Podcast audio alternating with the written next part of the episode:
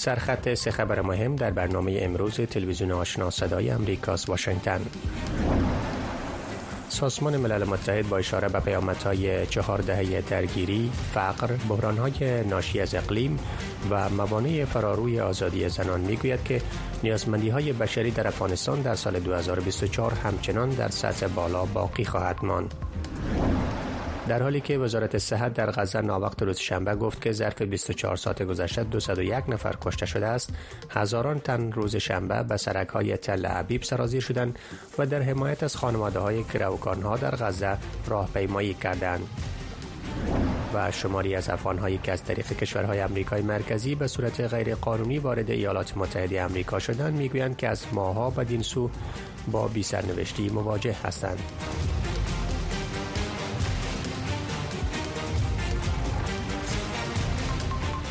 سلام بینندگان گرامی به برنامه امروز خوش آمدید. امروز یکشنبه 24 ماه دسامبر سال 2023 میلادی هست. برنامه امروز به طور مستقیم از طریق وبسایت و فیسبوک تلویزیون آشنا صدای امریکا و همچنین در رادیو روی موج متوسط 972 کیلوهرتز به نشر می‌رسد. من محمد احمدی هستم. در برنامه امروز به بررسی وضعیت یک سال پس از ممنوعیت طالبان بر کار زنان در سازمان ها و ادارات محلی بین المللی و غیر حکومتی در افغانستان می‌پردازیم. آقای آذرخش حافظی تحلیلگر مسائل اقتصادی از آلمان در برنامه خواهند بود و در مورد تبعات اقتصادی و تاثیرات منفی این ممنوعیت بحث خواهد کرد. مسکا صافی خبرنگار صدای آمریکا از پیشاور پاکستان در مورد سفر لویدریسیز اردوی پاکستان به آمریکا و درخواستش از یعنی درخواست کمک نظامی از آمریکا برای مقابله با افغانان گزارش خواهد داد. با ما همراه باشین. نخست با خبرهای از افغانستان. ملل متحد با اشاره به پیامدهای چهار دهه درگیری، فقر، بحرانهای ناشی از اقلیم و موانع برابری و مشارکت زنان در اجتماع و همچنین عودت مهاجران افغان از پاکستان و ایران می‌گوید که نیازمندی های بشری در افغانستان در سال 2024 همچنان در سطح بالا باقی خواهد ماند.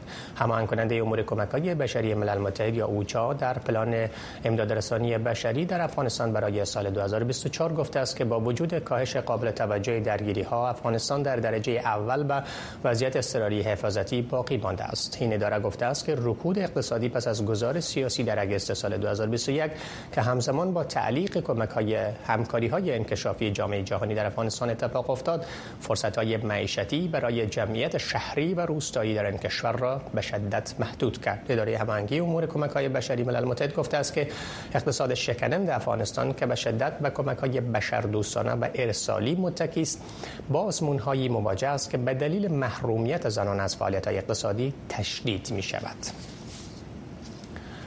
یک سال قبل از امروز طالبان ممنوعیت بر کار زنان در ها و ادارات محلی بین المللی و غیر حکومتی در افغانستان را اعلام کرد. وزارت اقتصاد طالبان در خبرنامه تمامی های غیر دولتی را از این تصمیم حکومت طالبان مطلع ساخت. این ممنوعیت کار برای ادارات ملل متحد و ماه اپریل سال 2023 تمدید شد. مقام های ملل متحد و های غیر حکومتی این ممنوعیت را محکوم کرده و گفتند که عدم حضور کارگران امدادی زن بر امداد رسانی به ویژه به زنان در افغانستان تاثیر منفی داشته است.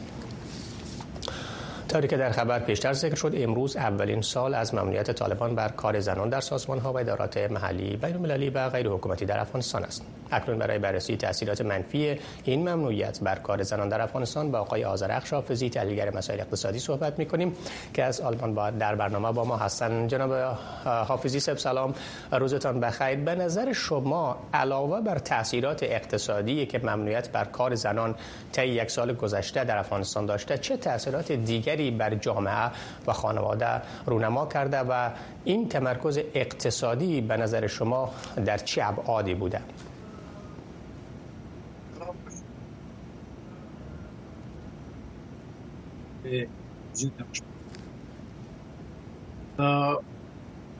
محروم شدن یک نفر از کار خودش یک فاجعه است یه خانواده رو متضرر می‌کنه و در مجموع تولید ناخالص داخلی کشورها رو سدمان می‌زنه ای که نصف نفوس جامعه که زنان افغانستان هستن از کار و از تحصیل محروم شوند.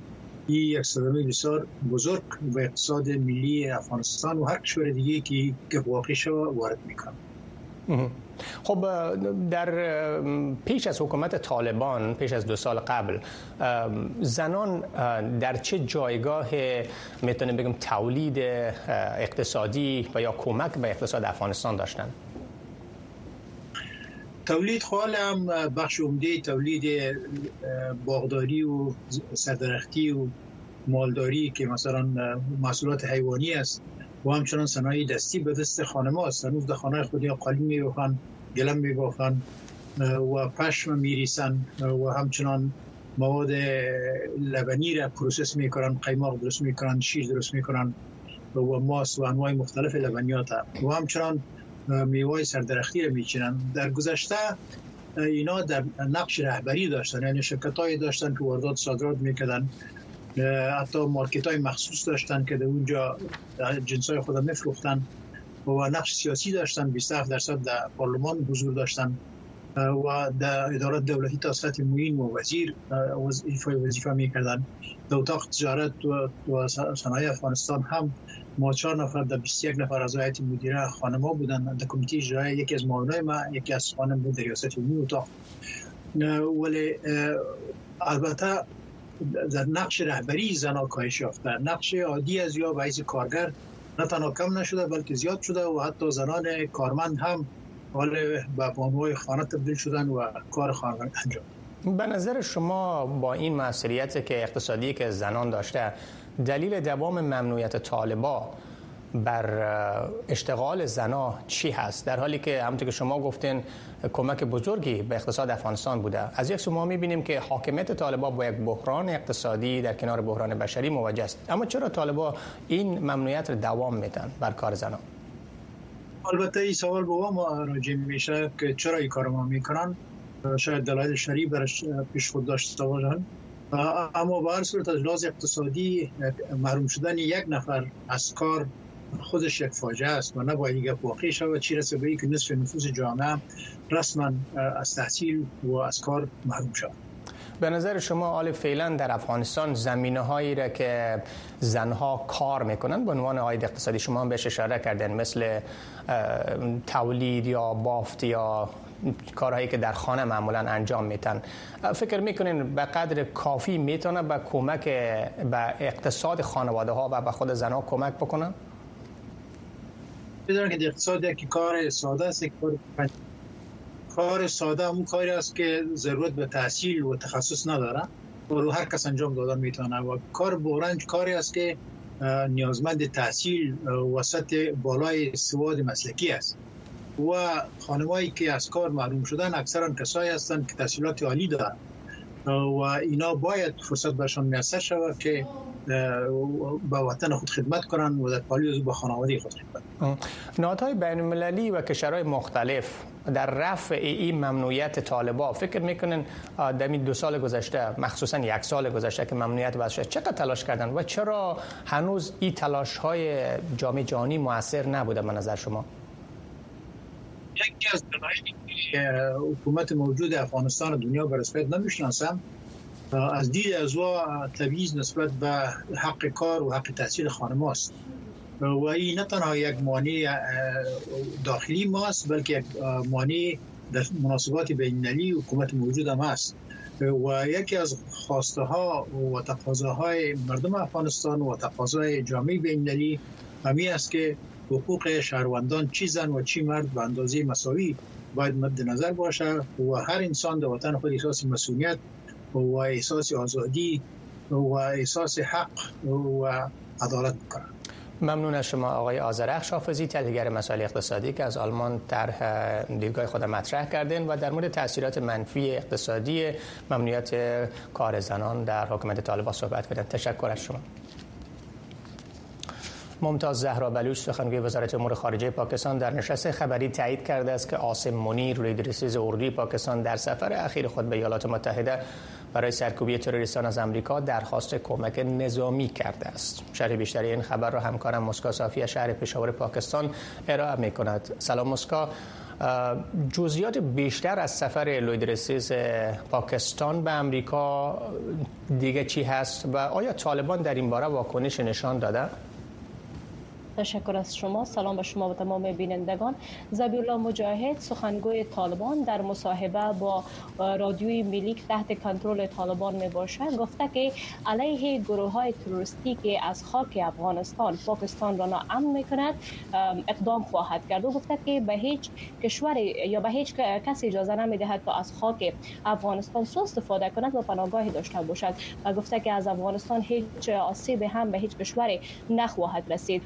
البته در این اواخر چون پاکستان با بارها حکومت طالبان را مقصر خوانده برای اقدام نکردن علیه گروه های تروریستی زبی الله مجاهد گفته که به جای جنگ ای پاکستان باید موضوع را با طالبان در جریان بگذارد. این در حالی است که سخنگوی وزارت خارجه پاکستان ممتاز زهرا بلوچ دو روز قبل در اسلام در یک نشست خبری از سفر آسمونی لوید رسید اردوی پاکستان به آمریکا تایید کرده که او با آمریکا برای سرکوب کردن گروه های تروریستی به ویژه پی یا تحریک طالبان پاکستان درخواست کمک نظامی از آمریکا کرده. از سوی دیگر چندین روز قبل طالبان گفته بودند که آنها از 35 الی 40 عضو پی یا تحریک طالبان پاکستان را بازداشت کرده و زندانی کرده اما ممتاز زهرا بلوچ این موضوع را تایید نکرده.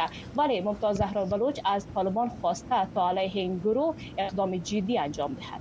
تشکر از مسکا صافی خبرنگار صدای امریکا در پشاور که جزئیات بیشتر این خبر را ارائه کردند. موفق باشید. شماری از افغانهایی که از طریق کشورهای آمریکای مرکزی به صورت غیر قانونی وارد ایالات متحده آمریکا شدند می‌گویند که از ماها بدین سو با بی سرنوشتی به سر می‌برند. آنان می‌گویند که آزمونهای اقتصادی بیکاری و نداشتن وکیل مدافع برای درخواست پناهندگی از مشکلات عمده آنان هست. ظفر بامیانی خبرنگار تلویزیون آشنا آمریکا در این باره گزارشی را تهیه کرده است. ده ها مهاجر افغان که به شکل غیرقانونی در یک سال اخیر از مرز مکسیکو وارد امریکا شدند می‌گویند که با رسیدن به امریکا چالش های آنان پایان نیافته و اکنون با مشکلات جدی و مختلف مواجه اند. آنان می‌گویند که نداشتن جواز کار نداشتن وکیل مدافع و نبود درآمد از مشکلات عمده آنان است. تا زمانی که اجازه کار نداشته باشیم ما نمی‌تونیم کار کنیم. قانونی تا بتانیم مصارف وکیل را پورا کنیم. با چند وکیل رفتیم صحبت کردیم. وکیلا که هستن خیلی هزینه بالایی رو میگن برای process کار و طی مراحل کار دیگه هر کدامشون از 8000 الا 15000 دلار تقاضا می‌کنه تا یک بتانیم که ما case ی خود بر از واگذار کنیم اونا برن محکمه دیگه case های ما را طی مراحل کنن. مهاجرینی که به صورت قاچاقی و غیر قانونی وارد امریکا می شوند در بسیاری موارد باید از طریق وکیل مدافع درخواست پناهندگی کنند. بسیاری از این مهاجرین می‌گویند آنان تصور داشتند که پس از ورود به ایالات متحده امریکا زندگی خوبی را آغاز خواهند کرد اما فکر نمی کردند که سختی های بیشتری در انتظارشان خواهد بود. روند در قسم ادامه پیدا بکنه احتمال از که مهاجر مجبور شود تا که کار غیر قانونی انجام بده بیشتره. چون ما تا هنوز به قانون ایالات متحده با تمام چیزایی که وجود داره احترام گذاشتیم. فعلا به صورت غیر قانونی کار نمی کنیم منتظر تای مراحل اسناد خود هستیم. این مهاجرین افغان می‌گویند که مسیرهای دشوارگذر کشورهای امریکای لاتین و مهاجرت غیر قانونی که ماها طول می‌کشد خطرات جدی را به دنبال دارد و حتی ممکن است منجر به مرگ گردد. امکان داره که هر انسان شانسی بیاره در اونجا یا از طریق مثلا حیوانات وحشی اونجا دریده شود در جنگل و یا یکی مثلا چهارشبانه روز یک جایی است که فکر کو هیچ کسی اونجا به نمی‌رسه. آمار دقیقی از مهاجرین افغان که به شکل غیر قانونی وارد ایالات متحده شدند وجود ندارد. اما در یک سال اخیر تنها در شهر البانی مرکز ایالت نیویورک بیش از سی مهاجر افغان که از امریکای لاتین وارد خاک ایالات متحده امریکا شدند پناه آوردند چیزهایی که او ضرورت دارن او را بسته‌بندی کردیم که یا چی ضرورت دارن و چی چیز است که ما می‌تونیم کمک کنیم. مثلا محلی بودوباش خوراک. آنان می‌گویند که هرچند در حال حاضر حکومت محلی نیویورک محل بودوباش غذا و خدمات بیمه صحی را به آنان ارائه کرده است اما نداشتن جواز کار و عدم رسیدگی به درخواست های مهاجرتیشان آنان را با سردرگمی مواجه کرده است. فعالان حقوق مهاجرین و مقام های امریکایی می‌گویند که افزایش بیپیشینه مهاجرین افغان که از مرز کشورهای امریکای لاتین وارد امریکا می شوند بیانگر بحران بشری در افغانستان و عدم حمایت از مردم آن کشور است. زفر بامیانی تلویزیون آشنا صدای امریکا نیویورک ایران گفته است که نیروهای نیابتی در منطقه ندارد. در حملات اخیر اسرائیل بر غزه 201 نفر کشته شد و در کمپ رفح نوزادان با کمبود شیر مواجه هستند. این خبرها و گزارش ها بعد از یک وقفه نشر خواهد شد.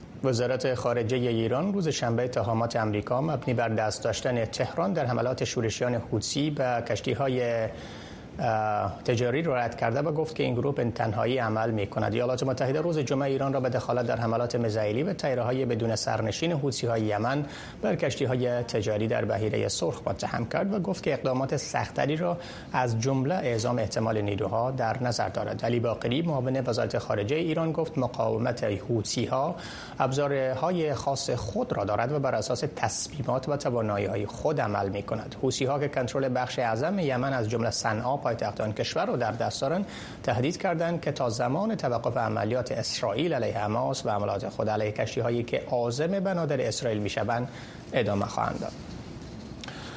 هزاران نفر روز شنبه در تل ابیب طی اعتراضات هفته هفتوارشان به جاده ها برآمدند و حمایت خود را از خانواده های گروگان ها اعلام کردند. در این زمان وزارت صحت غزه اواخر روز شنبه گفت که در نتیجه حملات اسرائیل طی 24 ساعت گذشته 201 تن در غزه کشته شدند. به همین ترتیب اردوی اسرائیل نیز از کشته شدن سربازان اسرائیلی در جنگ غزه خبر داده است همه این خبرها در گزارشی از فوزی احسان. هزاران نفر به روز شنبه در تلابیب طی اعتراضات هفتوارشان در حالی که باران شدید میبارید و جاده ها ریخته و حمایتشان را از خانواده های گروگان ها اعلام کردند برادر من یک غیر نظامی است او آمده بود که صلح و محبت را با خانمش تجلیل کند که کشته شد. او یک پسر دو ساله دارد که در خانه منتظرش است. ما به کمک شما نیاز داریم. همکنون شارون الونی کونیو یکی از سخنرانان این تظاهرات بود. او خود یکی از گروگان ها بود که در هفتم ماه اکتبر با دو دختر دوگانگی و شوهرش توسط حماس اختطاف شد و شوهرش هنوز در اسارت حماس است. شارون احساسات درماندگی و وحشت مادرانه خود در وقتی را بیان می کند که در اسارت بود. زمانی که یکی از دخترانش را در آغوش داشت و در حالی که خیره بلوله تفنگ اختطاف کننده نگاه می کرد نگران دختر دیگرش بود که نمی‌دانست کجاست. در حالی که ترس و وحشت هنوز از صدای لرزان این خانم پیداست لحظه ای را بیان می کند که از خانهش اختطاف شد. شوهرم دیوید مدت 78 روز در اسارت بود. هر ساعت مانند یک سال است و هر روز به انتها. خانم کونیو که بعد از 52 روز با دو دخترش ایما و یولی از اسارت آزاد شد در مورد احساساتش از این حادثه می گوید به تاریخ 7 اکتبر زندگی من متوقف شد. به صورت وحشتناک و دردآور متوقف شد. اگرچه جان من نجات یافت اما قلبم تاریک است. بدترین کابوسی که فکر نمی کردم آن روز بر سر ما بیاید. به دنبال حمله اسرائیل به جنوب نوار غزه فلسطینیان مجروع به شب شنبه به شفاخانه خان یونس رسیدند. وزارت صحت غزه اواخر روز شنبه گفت طی 24 ساعت 201 تن در غزه کشته شدند. تیم های نجات و مقامات گفتند بیش از 90 تن همه اعضای یک خانواده در نتیجه حملات هوایی اسرائیل در دو منزل کشته شدند. این حملات یک روز بعد از هشدار منشی عمومی سازمان ملل رخ داده است که گفت هیچ جایی در این عراضی امن نیست و حملات اسرائیل مانع شدید در راه توزیع کمک های بشری ایجاد می کند. یک روز بعد از آن که حکومت بایدن از اسرائیل حمایت دیپلماتیک کرد جو بایدن رئیس جمهور امریکا با بنیامین نتانیاهو صدر اعظم اسرائیل گفتگو کرد رئیس جمهور بایدن این صحبت را طویل و خصوصی خواند. اردوی اسرائیل به روز یکشنبه گفت بیش از ده ها سرباز اسرائیلی در جنگ در غزه در آخر هفته کشته شدند. با وجود هفته ها جنگ وحشتناک برخی از روزهای خونین از زمان آغاز حمله زمینی اسرائیل در اواخر اکتبر نشان می دهد که حماس هنوز به جنگ ادامه داده است. طبق معلومات مقامات صحی غزه در حمله اسرائیل به غزه بیش از 20 هزار فلسطینی کشته شدند که 70 درصد آنان را زنان و اطفال تشکیل می دهد همچنان در این حملات بیش از 35 هزار نفر زخمی شدند. در کمپ رفح مادرانی که نوزادان خود را تازه به دنیا آوردن از نذاشتن شیر به دلیل عدم دسترسی به مواد غذایی کافی شاکی و می‌گویند که شرایط این کمپ برای زندگی آنها و نوزادانشان دشوار و با مشکلات فراوانی همراه است. شرح بیشتر در این گزارش خبرگزاری رویترز. این مادر کلان برای نواسه های دختر دوگانگیش به نام های الما و سلما یک آرزو دارد و آن این که آنها در یک اتاق پاک و امن بتوانند حمام کنند. این دو نوزاد در یک خیمه در کمپ بیجا شدگان در رفع در غرب غزه به سر می‌برند. مادرشان قادر به دادن شیر به آنها نیست چون غذای کافی را برای خوردن برای تولید شیر ندارد. الما و سلما بخشی از نسل نوزادان در غزه هستند که در بیخانگی در حالی که اعضای خانواده هایشان مصروف نجات خود از حملات نظامی اسرائیلند و دنیا آمدند. ام محمد الجادبه یک مادرکلان دیگر است که هر روز به دنبال آب می گردد تا آن را گرم کرده و برای نواسه نوزادش شیر تهیه کند. والله انا من اول الحرب. با آنها شیر خشک میدیم چون مادرشان به دلیل ترس شیر ندارن هر روز صبح من آب را برایشان جوش می‌دهم. با کمک نواسم آن را روی آتش گرم نگه میدارد. ما هیچ غذایی برای مادران نداریم. اگر آنها غذا نخورند چگونه شیر داشته باشند؟ و هی مرض حامل اشیایی در خریدهای پلاستیک از چوبهای سقف این خیمه آویزان است و دیگر اشیا مانند البسه و یک بوتل پلاستیک آب بر روی زمین و اطراف آن پراکنده است. الجادبه می‌گوید که چهار نوزاد در خانوادهش در وضعیت بیجا شدگان از زمان آغاز جنگ به دنیا آمدند. عروسش یک دختر را متولد کرد و عروس دیگرش یک پسر را الما و سلما نیز دختران عروس سومش هستند. این خانواده از غزه به خونیونس و بعد به این محل در جنوب غزه آمدند و این نوزادان در شافخانه ناصر به دنیا آمدند ولی بعد از آغاز تهاجم زمینی اسرائیل آنها مجبور شدند تا به کمپ رفع بیایند. در جاهای دیگر این کم که در آن الما و سلما زندگی می کنند خانواده های دیگری نیز به سر می‌برند که با نوزادان خود با مشکلات مواجهند یاسمین ساله نام دخترش را طولین گذاشته که در ماه اکتبر فقط هشت روز بعد از آغاز جنگ به دنیا آمد لباس های طولین بر روی سقف خیمه برای خشک شدن قرار داده شده است. من هرگز فکر نمی کردم که من در وضعیت این گونه نوزادم را به دنیا بیاورم و یا دخترم در یک خیمه در هوای سرد زمستان زندگی کند. ما قادر به بزرگ کردنشان نیستیم. حتی مواد که اینجا هست همه گران قیمت است. همه چیز گران است. من او را در شفاخانه ناصر در خان یونس به تاریخ 15 اکتبر به دنیا آورده یاسمین مانند مادران دیگر از نبودن غذا و نداشتن داشتن شیر برای تغذیه نوزادش شاکی است. یعنی وضعیت بسیار دشوار است. ما نان کافی نمی‌خوریم و او شیر کافی برای خوردن دارد. او وقت صدای حملات هوایی را میشنود میترسد بیدار می‌شود و گریه می‌کند.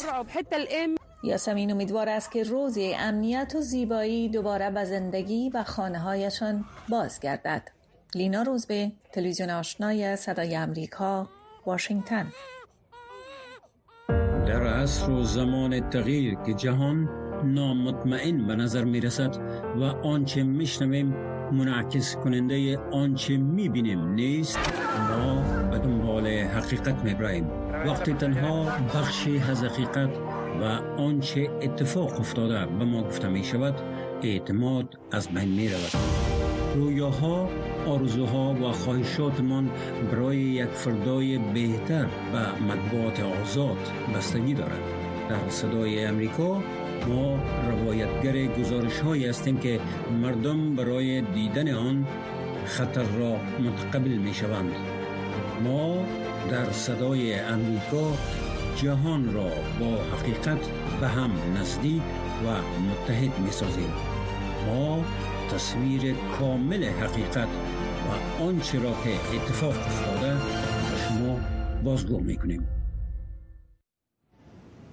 داوطلبان در اوکراین در حال جمعآوری بسته های هدایای تعطیلی کریسمس برای 700 هزار مرد و زن این کشور که در صفوف نیروهای مسلح این کشور خدمت می کنند می باشند که در آن آنها به شمول ده هزار نفر است که در خط مقدم جنگ مقدم جنگ مشغول وظیفه هستند. لیسا بکلی از خبرنگار صدای آمریکا با برخی از این داوطلبین در کیف صحبت کرده است که شرح این گزارش را همکارم فرخنده پیمانی به توجه می در اینجا تعداد زیادی از درختان کریسمس، های ملی اوکراین و های تبریکی برای نیروهای مسلح اوکراین در رسامی های این کودکان به چشم می‌خورد.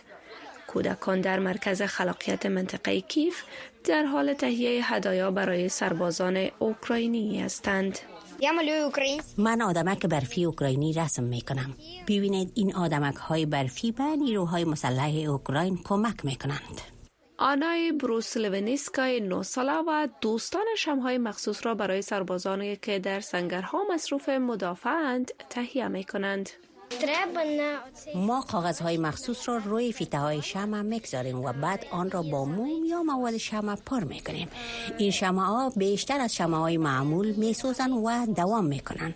اینها برای مدافعان ما است که در سنگرهایشان تاریک و سرد نباشند. دانش آموزان همه بعد از مکتب به این مرکز می روند تا برای سربازان اوکراینی تحایف آماده کنند. ما کودکان در اینجا داریم که بجا شدگان داخل کشور هستند که پدر و مادرشان در خط مقدم جنگ قرار دارند بنابراین آنها همه چیزها را درک می‌کنند و خوشحال هستند که می‌توانند کمک کنند این بار پاپوش های گرم و بخاری های کیمیاوی هم برایشان اضافه می‌کنیم و داوطلبان آن را به ختم قدم جنگ برای سربازان انتقال می‌دهند. کاترینا یاکومیویچ یکی از داوطلبان و رئیس سازمان غیرانتفاعی وین که از اردوی اوکراین به طریقه های مختلف حمایت می کند می گوید کارت های تبریکی کودکان در بسته های تحایف همراه با برخی از خوراکی های شیرین قرار داده می شوند و برای سربازان ارسال می گردد.